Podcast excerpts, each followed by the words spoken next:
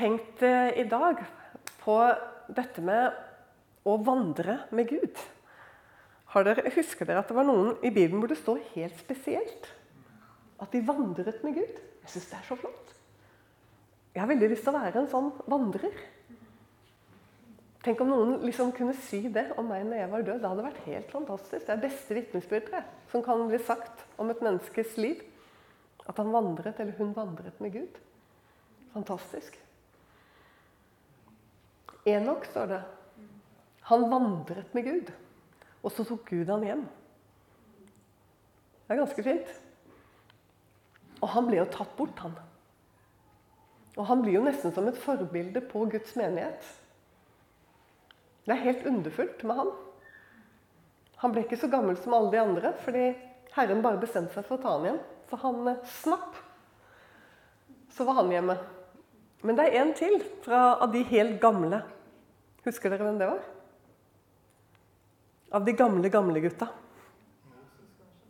Enda gamlere, holdt jeg på å si. Enda gamlere. Enda gamlere. Noah. Noah, ja. Det var en verden av urettferdighet. Så står det med Noah. Han var rettferdig for Guds åsyn. Hvorfor det? For han vandret med Gud. Og Det er liksom litt det der å grunne på det. Hva er det for noe? Å vandre med Gud. Legg merke til at det veldig ofte står om veier og stier i Bibelen. Både i Nytestamentet og i Gammeltestamentet. Gammeltestamentet er masse av det. Altså jeg er sikker på Om jeg sier 500 henvisninger til stier og Guds veier og, og sånn, så overdriver jeg ikke. Men det er Guds ord. I Det gamle testamentet så står det at det er Guds ord. Og så vet vi I Nytestamentet så er jo Jesus Kristus ordet. så Derfor så er han jo også selvfølgelig veien. Og da skjønner vi litt mer, vet du. At det å vandre med Gud, det er jo å bli i ordet.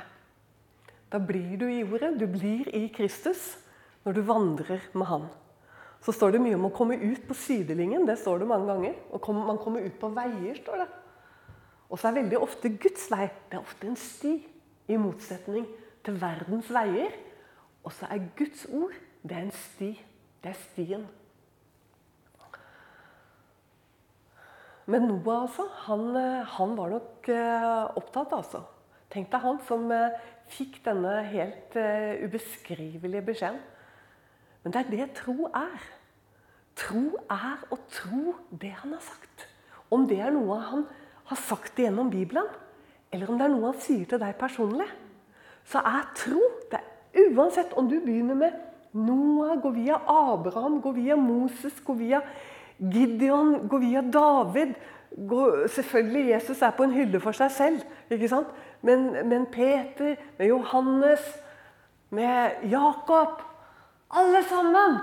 Så handler det om å vandre i tro. Altså, Tro er egentlig bevegelse. Tro er ikke noe som foregår mellom haken og hodet. Legg merke til bare, Dette er egentlig bare litt sånn håper å si, slags oppvarming. Det er litt sånn som jeg kom på mens jeg satt der. Og det er ofte, Jeg har litt respekt for det jeg kommer på sånn At det er ting som skal med. da. Nå skal jeg bare se om jeg finner det. For i Jakobs brev ja.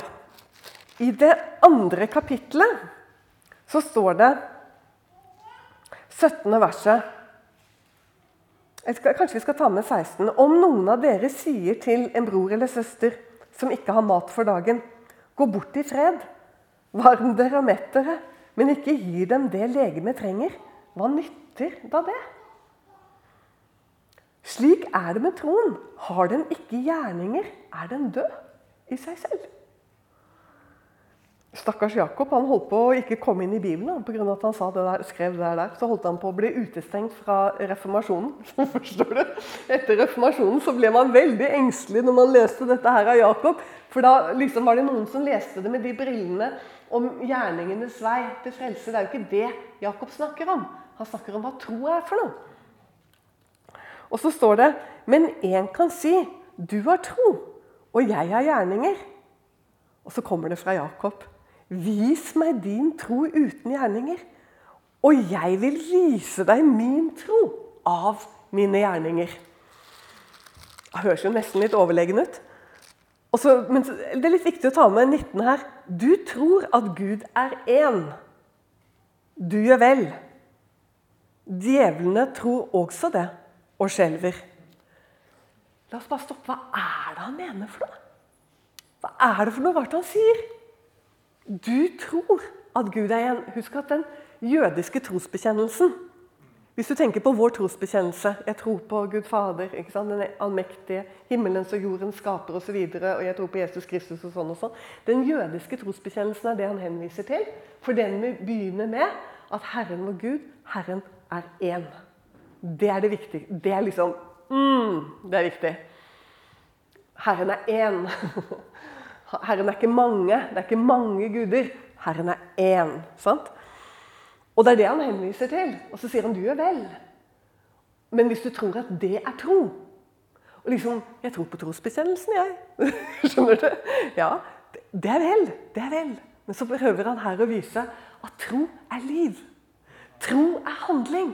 Tro er bevegelse. Tro skal du over... Jeg har kanskje sagt dette her før, for jeg har sagt det mange ganger. For jeg tror Det er viktig. Nemlig at ordet for tro på hebraisk er ikke sånn som på norsk. På norsk sier vi at 'jeg tror på Gud'. Altså, Vi bruker det ordet for å tro, som, som er noe vi ikke er sikre på. Men noe som vi Hvis jeg, du har invitert meg på middag hjem til deg Det hadde vært veldig hyggelig hvis du hadde gjort det. Sant? Og her sånn i ettermøtet Å, det var koselig om du hadde kommet på middag til meg. Kunne du komme i morgen, liksom? Og jeg da svarer ja, jeg tror det. Det er veldig vanskelig for henne å forholde seg til det. Altså, Kommer hun, eller kommer hun ikke, liksom? Det er jo sånn vi bruker dette ordet. Og dette ordet bruker vi for å tro på Gud. Og da sier vi egentlig at ja, det er jo bare tro vi driver med. Det er ikke noe, Og da skjønner jeg jo at tro kan bli noe vi holder oppi her. For det blir jo fryktelig usikkert. Kan du stole på dette her? Kan du gå på det? Men på hebraisk, og det er jo dit vi må gå. For det er jo det som er hva skal du si? Det er jo det som er eh, troens opphavsmann og fullender nesten. Altså, det, er jo det er jo det som er troens språk. Det er det som er originalen. Hva sier, hva sier en israeler når han tror på Gud? Vet du det? Tenker du at han sier det samme som oss? Men det gjør han ikke. Han sier 'I trust in God'. Altså, eller på norsk 'Jeg stoler på Gud'. Det er hans måte å si at han tror på Gud. Og du vet at da blir det plutselig litt nærmere livet ditt. Da kommer det litt nærmere Da har du kommet litt ut av Du kan ikke komme ut av trosbekjennelsen. Den er, den er veldig flott at vi har trosbekjennelsen. Dette er ikke noe angrep på trosbekjennelsen. Langt ifra. Det er fint å ha en felles bekjennelse. Men hvis du vil forstå hva tro er, så er det nok bedre å komme til dette Jeg stoler på Gud. Og så gjør vi jo ikke alltid det. For livet vårt kan på ulike måter vitne litt om at vi kanskje ikke alltid klarer å stole på Han. Men den tro som vi har fått av han, den har forfatteren av hebreerbrevet han, han har sagt hva den troen er. Kapittel Husker du det? 11. Hva er tro for noe? Der skjønner du at det norske ordet for tro blir veldig feil. For han sier at tro I hans hode, som skriver i hebreerbrevet, som sikkert er jøde, i hans hode så er det hva er tillit til Gud, sier han. Hva er det å si at du har tillit til Gud? Jo, det er full visshet om det som håpes, og overbevisning om det du ikke ser. Det er den troen vi har fått av Han. Og det er ganske fantastisk. Så innimellom så går du så, sant, og, og, du er hele tiden i denne hva skal jeg si, helliggjørelsen med Gud. Nå For å bli litt blant israelerne og i det hebreiske så da så også, Vi sang jo denne eh, vakre sangen. Se, han kommer her, sant? Jesus kommer, kikentreet står i blommer. Og vi vet jo fra Bibelen sant? at eh, vi som er hans eh, troende barn, vi er også hans brud. Og vi venter på at vår brudgom skal komme igjen. Det er jo Jesus dette her, og Johannes døperen som tar oss inn i disse bildene. At han er vår brudgom. Han er vår frelser. Han er vår konge. Han er vår Gud. Han er vår beste venn. Men han er vår brudgom. Han er vår brudgom, og vi venter på vår brudgom. Og jeg har nok vært inne i dette med dere før, for jeg har jo vært her noen ganger. Men du vet at det jødiske bryllupet Vi skal ikke gå inn i det nå, for jeg vet jeg har tatt det med dere før. Og de fleste av dere var her kanskje. Det er jo delt i to avdelinger.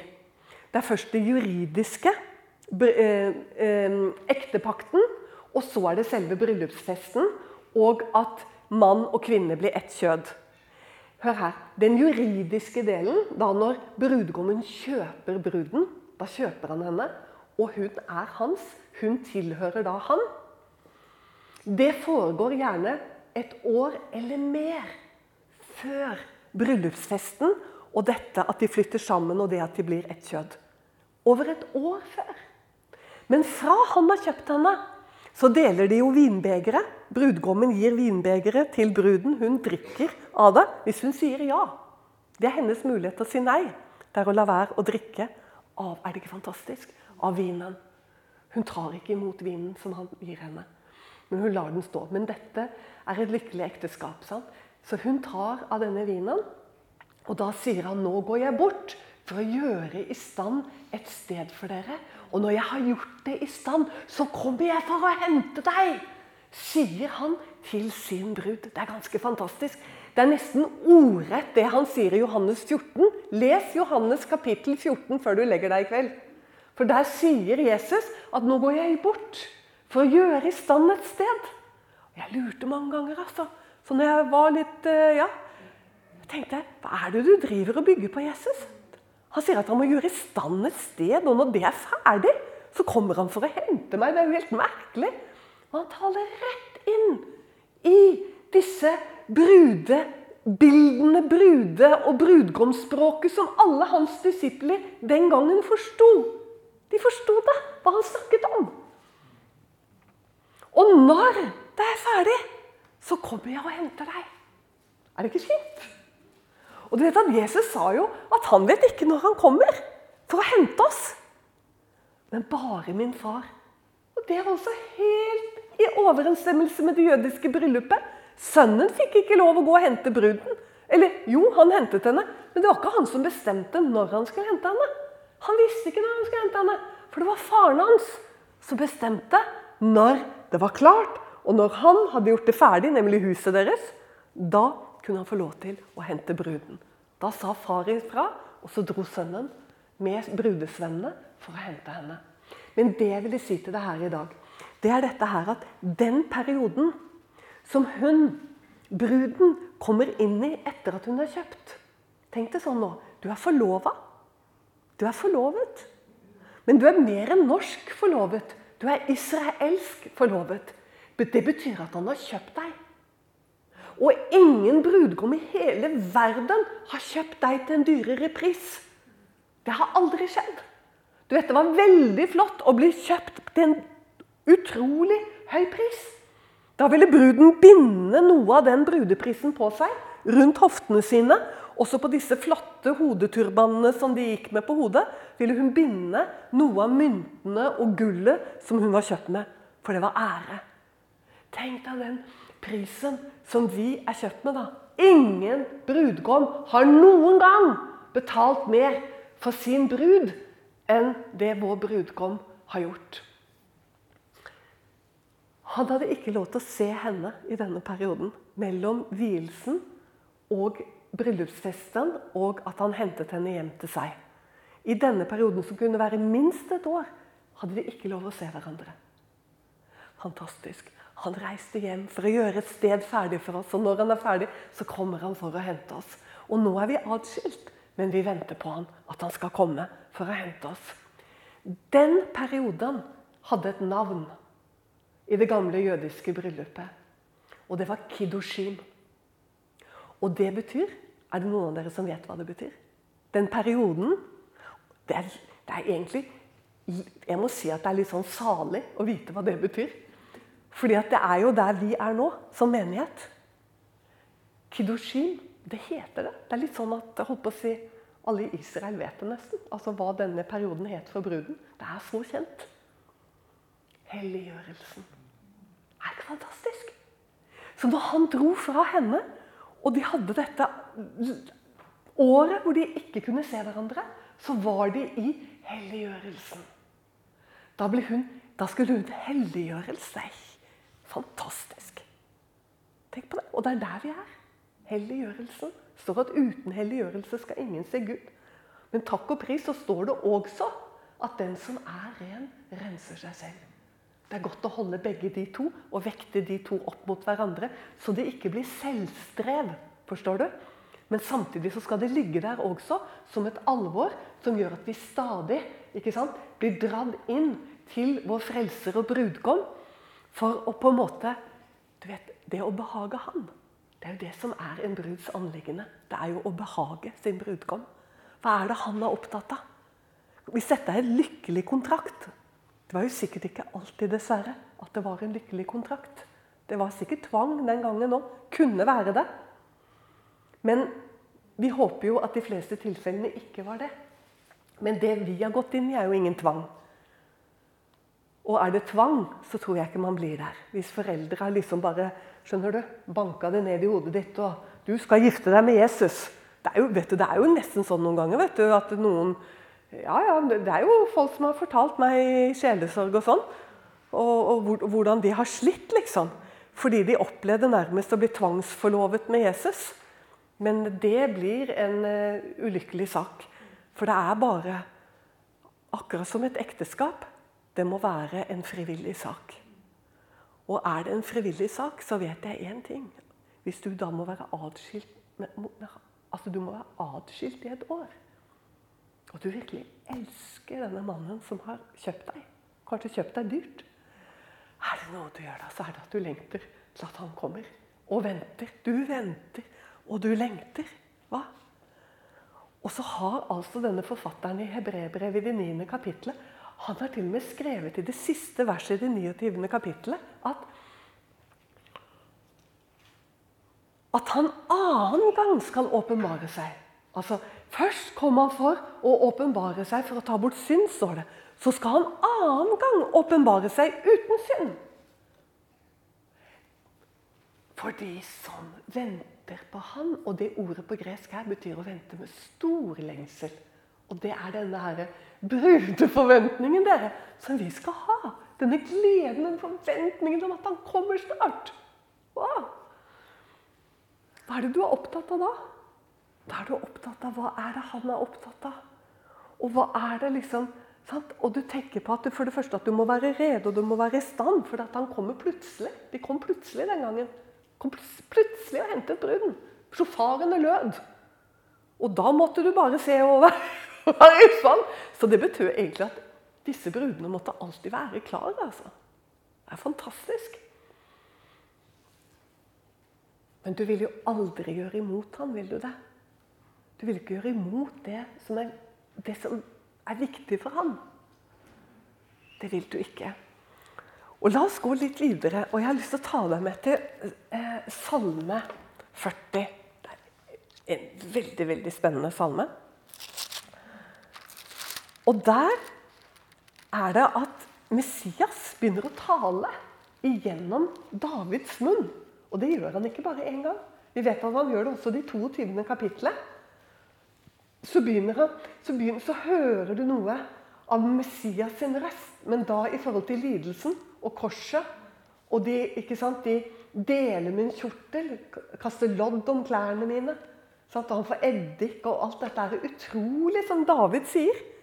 Hvor det er Messias som taler igjennom David. Altså, han er i den profetiske ånd. Og det er David også her, som vi har fått gjengitt i, i kapittel 40.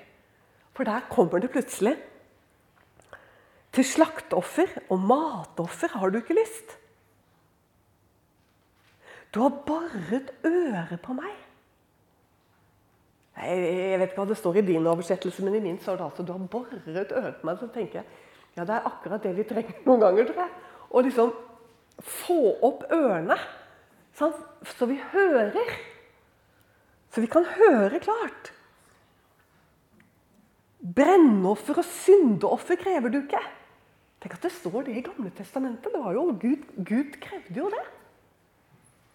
Men det står noen ganger at han har ikke lyst i brennoffer. Jeg vet ikke om du har lest det, Han har ikke lyst på disse slakteofrene. Alt dette her som foregikk i Det gamle testamentet for å sone synd. Det var jo for å sone synd at de ba fram alle disse ofrene. Og så står det og så gikk de forlikt hjem. Dette var jo en midlertidig ordning før det fullkomne når Kristus kom. ikke sant? Men så står det noen ganger at, at Gud har ikke behag i det. Men da står det alltid i sammenheng med at, med at hans menighet, Israel, begynte å ofre istedenfor å lyde. Og det er ikke noe som bare er gammeltestamentlig. Du skjønner, Det er en sånn herre snare også for oss som lever i nytestamentlig tid. Altså at man faller i den fellen og ikke lyder ordet. Nei, for nå er vi nå, Nei, nå er vi ærlig talt Nå er vi i 2022. Og, nå, og verden har endra seg. Men du, det er akkurat oppimot dette her mot eh, menigheter som moderniserer seg for å tilpasse seg en ny tid. Der, hva, hva, vil de gjøre for noe, tror du? Jo, de vil gjøre akkurat det som det står her. De vil nok ofre, men ikke geitebukker. Og ikke kalver og ikke sauer. Men de vil ofre på annen måte. Blir veldig opptatt, vet du. Kjærligheten, den blir talt, og den blir forkynt, og alt er bare kjærlighet. Å, det er bare kjærlighet alt sammen. Og man snakker masse om det. Og man ofrer gjerne. Og ja, er med og står på i menigheten og, og, og, og Sant? Du, dette har jeg dessverre sett eksempler på. På mennesker som lever i synd midt i Guds menighet. Men vet du, de kan være de mest ivrige i menigheten til å stå på. Og de er de første med kakebaksten. Eller de er den første til å stå på hvis det er mannfolk med det mekaniske og sånn og sånn, og de rydder og de ordner, og de er veldig der, vet du. Men vet du, jeg tror ikke det skjer bevisst, jeg tror det er ubevisst. Det er akkurat som i Det gamle testamentet. Og da står det at Gud har ikke behag i det. For du skjønner, det er helt likt i gammeltid og nytid at det Gud har behag i, det er lydighet. Det er lydighet. Det er ingenting som har forandret seg. Det er akkurat det samme å vandre, vandre med Gud i dag som om det var å vandre, på, vandre med Gud på Noas tid, eller på Enoks tid, eller Abrahams tid, eller Moses sin tid, eller Davids tid. Det har aldri forandret seg. Å vandre med Gud, det er å gå på de stiene. Det er på Guds ord stier. Det er alltid det. Hør du hva jeg sier? Det er alltid Stiene i Bibelen er alltid det. Det var derfor Jesus sa. Han sa sånn, veien er bred. Nei, Veien er smal, for, Og porten er trang. Hvorfor er den det, da? Jo, fordi at du må gå på Guds Du må gå på Hans ord. Du, må, du kan ikke vike av fra veien. Du kan ikke vike av fra stien. Så Derfor så sier han det, at den er smal. Den er smal. Den blir aldri bred. Hvis den er bred, da Hva er eksempelet på at den er bred? Blitt bred i menigheten? Jo, da har menigheten liksom åpnet opp og sagt ja, men det er greit. Vi ordner litt opp i det nå. Vi er ikke så nøye på det lenger. Og Vi mente det før, men det mener vi ikke nå lenger. Da skaper vi en bred vei i menigheten. Da blir det lettere å gå der. Da er det lettere å være i gåseøynene. Lettere. Men det virker veldig mye lettere. Fordi at nå slipper du å bli plaget av verden. Du slipper å få bråk med staten og med myndighetene.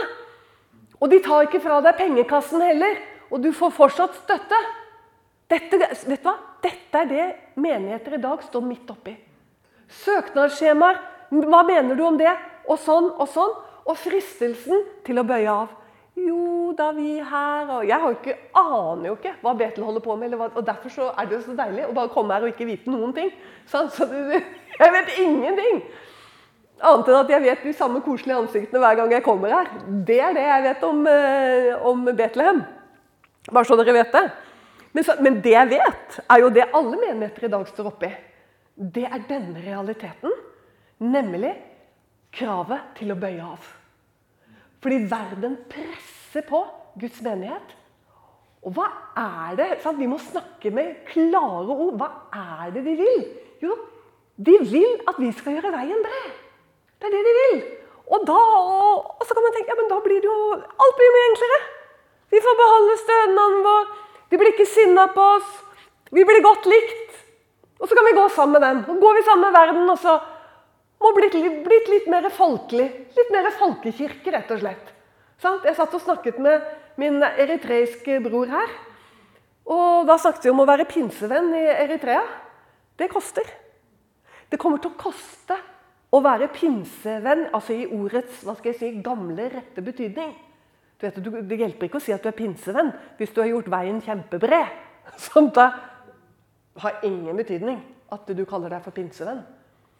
Jeg tror ikke det kommer til å handle så mye om pinsevenn eller Misjonsforbundet eller sånn eller sånn. Jeg tror det kommer til å handle om de som elsker Guds ord. Og de kommer til å komme fra alle mulige leirer. De som kommer til å holde fast på ordet. Og så sier det Nei, dette hva? Da vil jeg heller gå på en vei som er litt mer vanskelig å gå på. For den brede veien der, den tør ikke jeg å gå på. Den vil jeg ikke gå på. Jeg vil ikke. Jeg kan ikke. Jeg tør ikke. Altså, jeg, jeg blir mer redd for det. Det er jo mye skumlere, egentlig. Men det virker lettere. Det virker mer behagelig. Men det er, er det en vei det er skummel å gå på, så er det den brede veien. Lett for deg å si det, Eva. Du går ikke på videregående i dag eller på ungdomsskolen og vet hva slags realiteter jeg står oppi. Nei, jeg vet ikke det. Men uh, ting vet jeg, og det er at Jeg tror at hvis du Hvis du tør å være tydelig, og så må du kanskje også ha litt sånn bibelkunnskap, så får du respekt stort sett, altså. Jeg sier ikke at det ikke kan komme en tid hvor det blir direkte farlig, sånn à la Eritrea, hvor du kan bli fengslet. I hvert fall sånne som jeg, som, som lærer ordet. Det, det, det, det, kan godt hende at det skjer. Så da, jeg blir ikke fryktelig overrasket over det. Men, men min erfaring så langt, for mennesker som ikke er enige med meg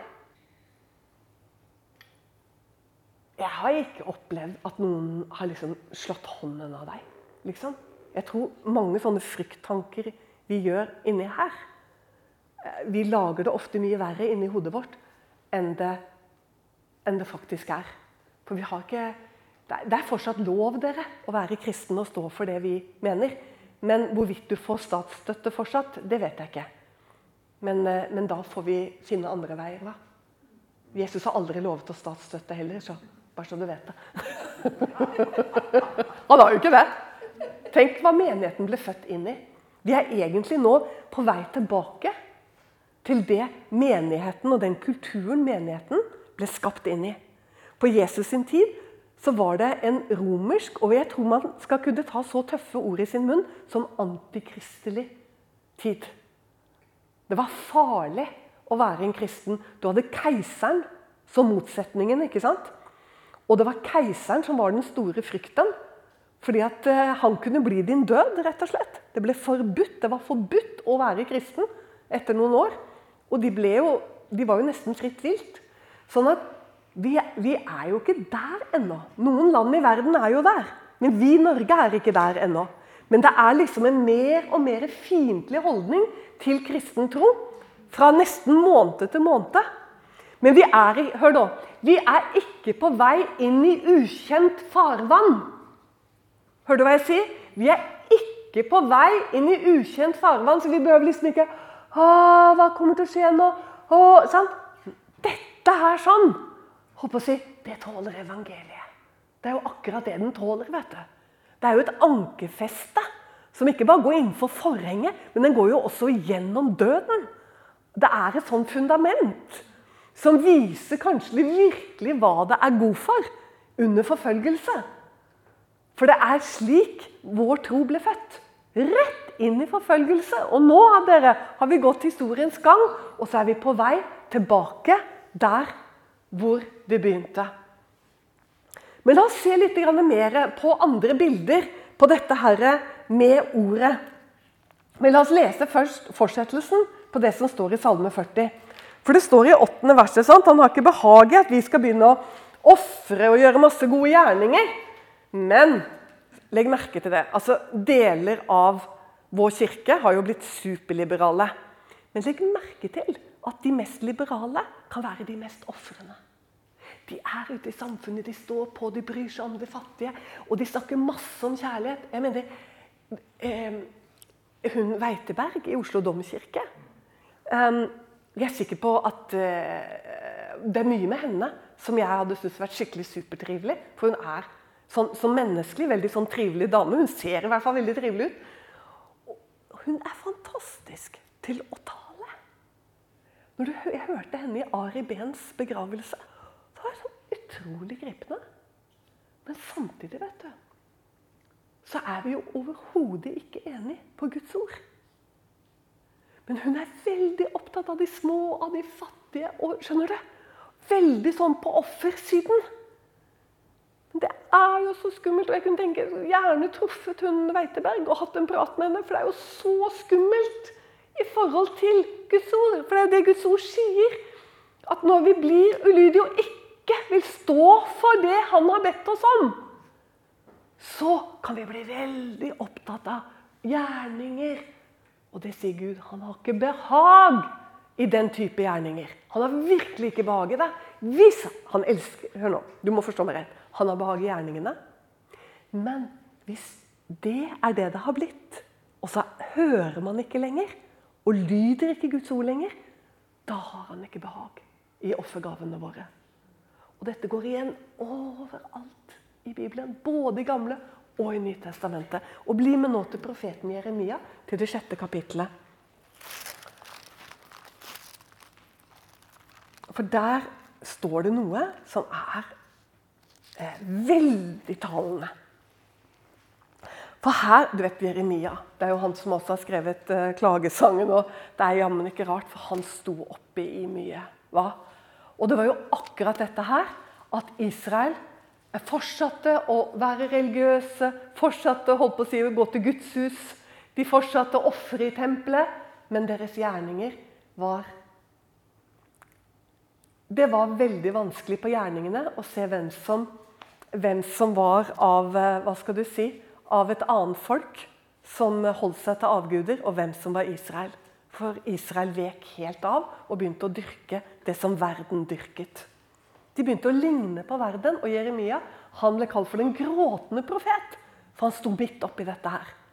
Og så dere, så er det en passasje her hvor det står 13. verset. For både små og store søker alle sammen urettferdig vinning. Både profet og prest gjør alle sammen svik. Hvorfor gjør de svik? Hør hva han sier. Her kommer det. Hva er sviket? Det er ikke det at de er korrupte nødvendigvis og har begynt å skjønner du, og stjeler eller er svikefulle på den måten.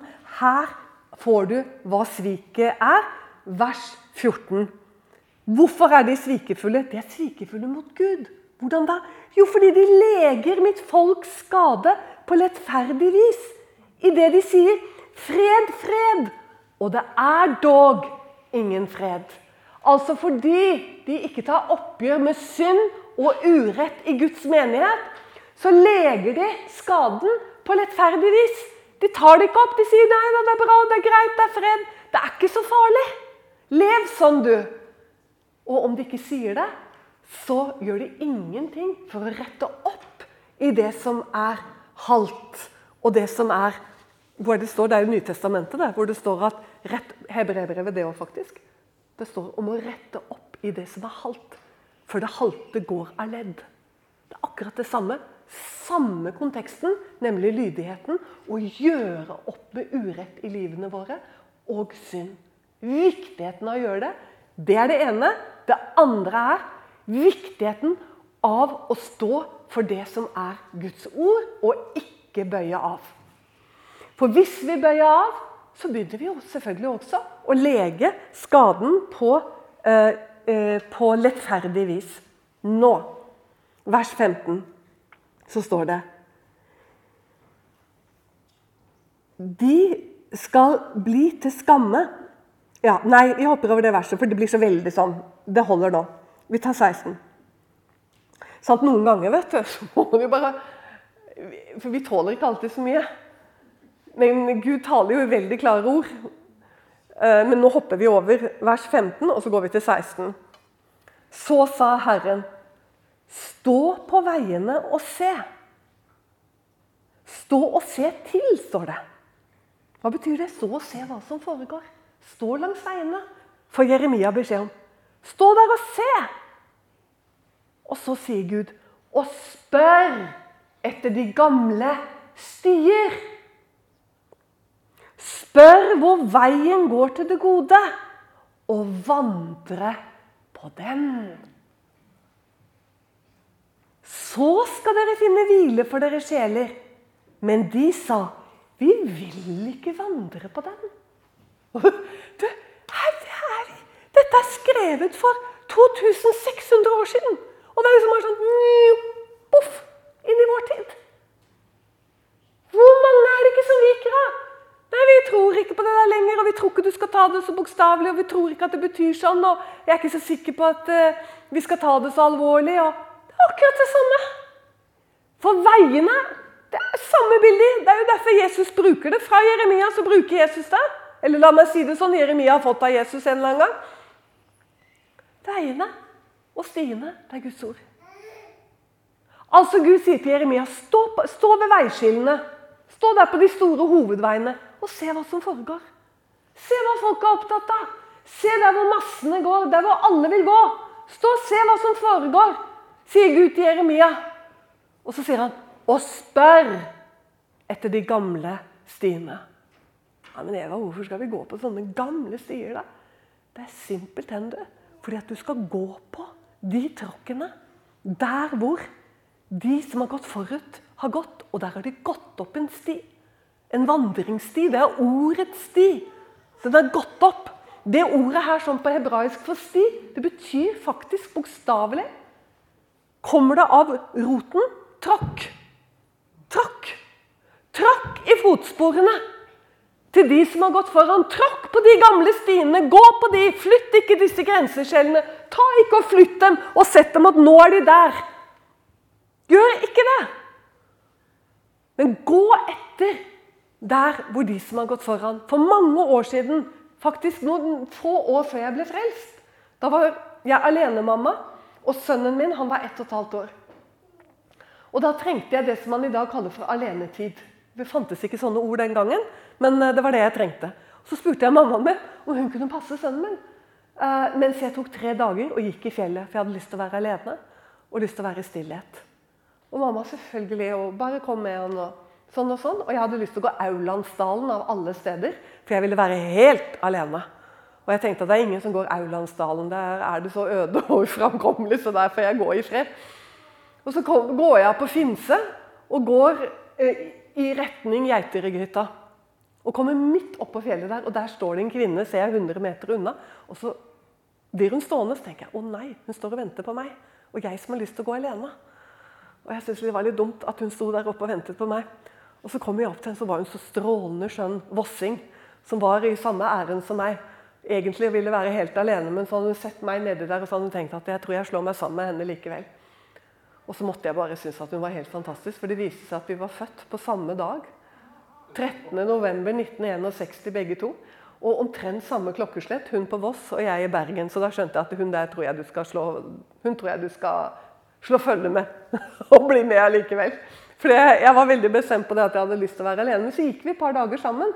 Men på den tredje dagen og Da var det kommet to kvinner til som var ute og gikk alene. Så da var vi en liten gruppe som gikk sammen. Underlig, egentlig. Fire kvinner som gikk alene i fjellet, som møtte hverandre oppi der.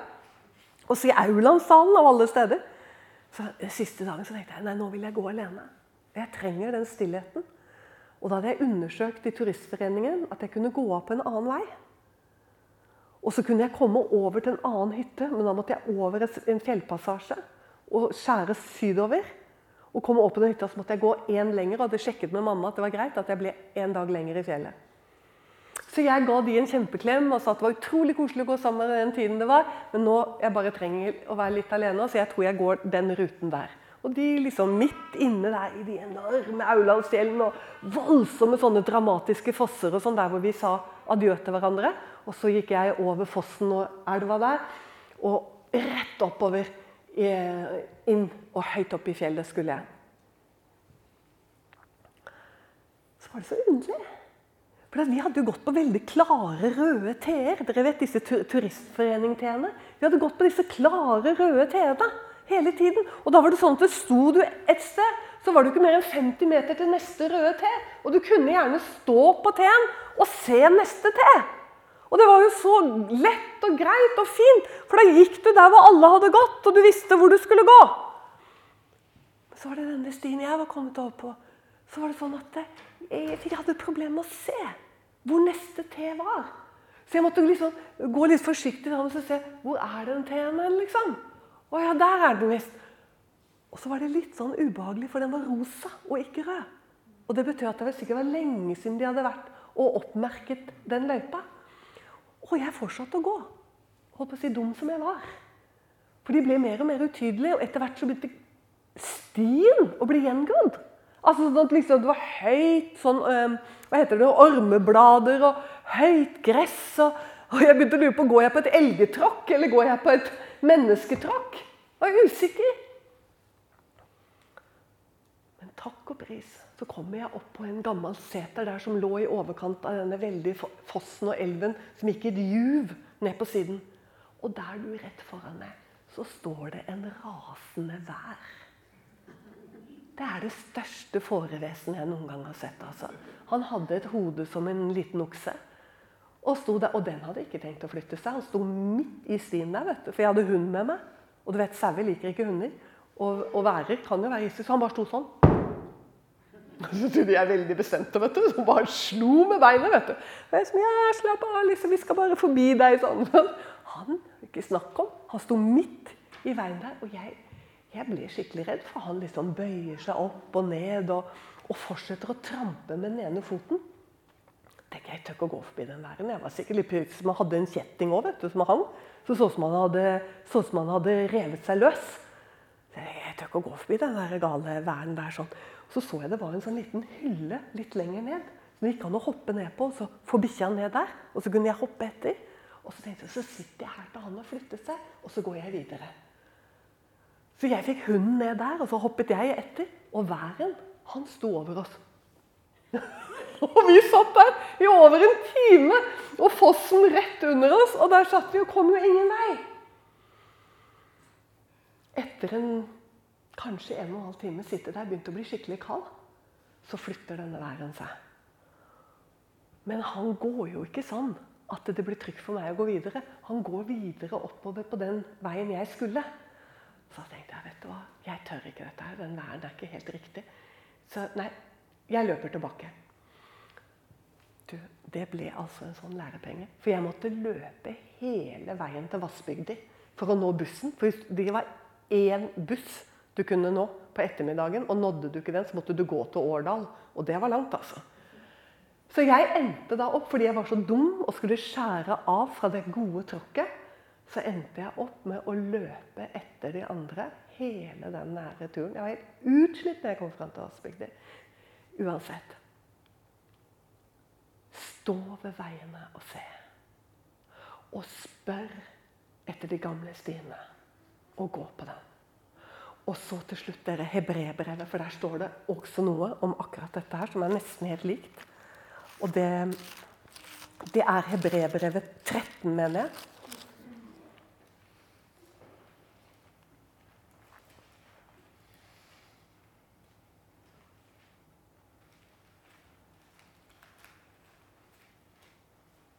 Jeg så bare noe annet skjønner du, som jeg faktisk har nesten sitert. Jeg har lyst til å lese det òg. Det står i 12.12. For der står det Derfor rett de hengende hender og de maktesløse knær, og gjør rette stier for deres føtter. For at ikke det halte skal komme rent i ulaget, men heller må bli helbredet. Det var akkurat dette her. Sant? Dette at så sto Jeremia at de leger mitt folks sant, skade på lettferdig vis. De sier 'fred, fred'. De sier at det er greit. De sier at de ikke gjør noe. Det var ikke sant, i Gamle testamentet. Og så kommer du her i Nytestamentet, så står det bare med andre ord. Sant? Gjør rette stier for deres føtter. Kunne like godt stått i Gamle testamentet. For at ikke det halte skal komme rent i ulage. Men det må bli lekt. Det må ikke være på lettferdig vis. Må ta tak i det. Det som har begynt å halte. Der hvor man begynner å skli ut. Der må du få det halte på plass igjen. Så det kan bli lekt, så det kan bli rett. Gjør rette stier for deres føtter. Og så kommer det i 13. kapittelet, 7. verset. Kom i hu deres veiledere, som har talt Guds ord til dere. Tenk nå i gamle tider. Tenk på de gamle høvdingene. Gi akt på utgangen av deres ferd, og etterfølg så deres tro. Eller vandre, som det står andre steder. Vandre efter dem på de stiene som de har gått opp. Det er å etterfølge deres tro. Det er å vandre etter dem på de samme stiene som de har gått. For det står i åttende verset Jesus Kristus er i går og i dag den samme, ja, til evig tid.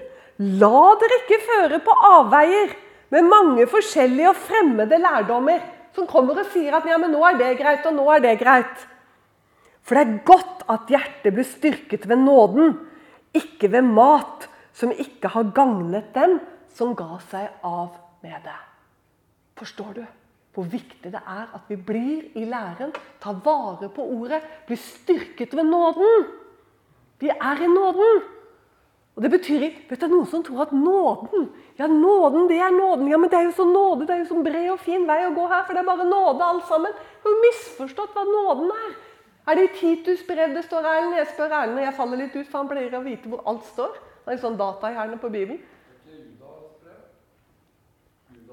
Er det Judas? Ja, for du siterte det i dag. Det er Judas.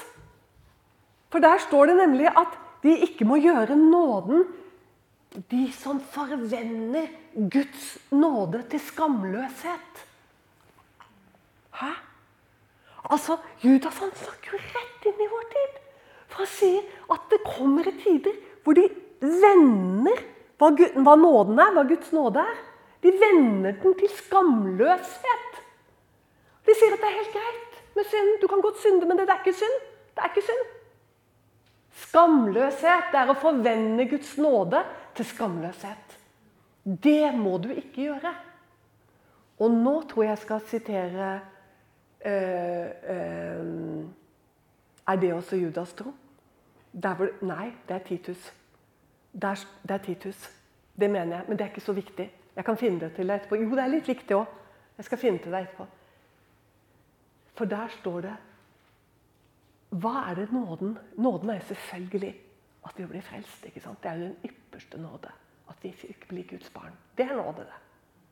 Men så står det at nåden, hva er det den er til for? Er det Titus, Erlend? Da må vi finne det. Vi må finne oss og lese det akkurat sånn som det står. Kanskje det også blir til slutt. La oss lese det sånn som det står. Vi må altså ikke forvende Guds nåde til skamløshet. Husker du det nå? Det var Judas brev. For han sier at det kommer tider med falske profeter og greier som kommer til å forvende nåden til skamløshet. Hva betyr det? Jo, at du kan leve litt sånn som du vil. Det er ikke så farlig. Det er å forvende nåden. Så er det Titus brev. For Guds nåde er åpenbart til frelse for alle mennesker. I det den Dette er sånne ord som nesten har gått ut av det norske språk. I det den opptukter oss til å fornekte ugudelighet. Hæ? Nåden. Og til de verdslige lyster. Og lærer oss å leve tuktig og rettferdig og gudfruktig i den uverdende verden. Er det ikke fantastisk? Her står det hva nåden er. Den lærer oss å fornekte ugudelighet. Og, og verdslige lyster, til og med. Det er dette, her, det er dette som er helliggjørelse. vet du. Det er at ånden det står 'vandrer ikke i kjødet', så dere oppvandrer ikke sant? slik at dere oppfyller kjødets begjæringer, men vandrer i ånden. For da gjør du det ikke det. Sånn? Vi skal ikke vandre sånn at vi oppfyller disse tingene. For det er det nåden har gitt oss til. Tenk, det står det. Nåden er åpenbart blant alle mennesker. For å lære oss disse tingene og fornekte det ugudelige. Gå bort fra det som er ugudelig det er sånne ord, vet du. Og jeg elsker det. Men samtidig så er det sånn Det blir så fattig på dette. Som er egentlig den rike kosten, og som skal hjelpe oss å stå inn i vanskelige tider. Må Gud være med oss alle sammen. I Jesu Kristi navn. For et ord vi har fått overlevert. Det taler like godt i 2022 som det talte på Jesus sin tid, og som det talte på Jeremia og Jesaja, og til og med langt tilbake i eh, de første tider. Gud være lovet for hans levende ord. Det er virkelig levende ord. Takk, Herre, vi er, vi er fullt ut kjent. Og det er ingenting Stå med oss økonomisk og i bønn. Du finner oss på utentvil.com.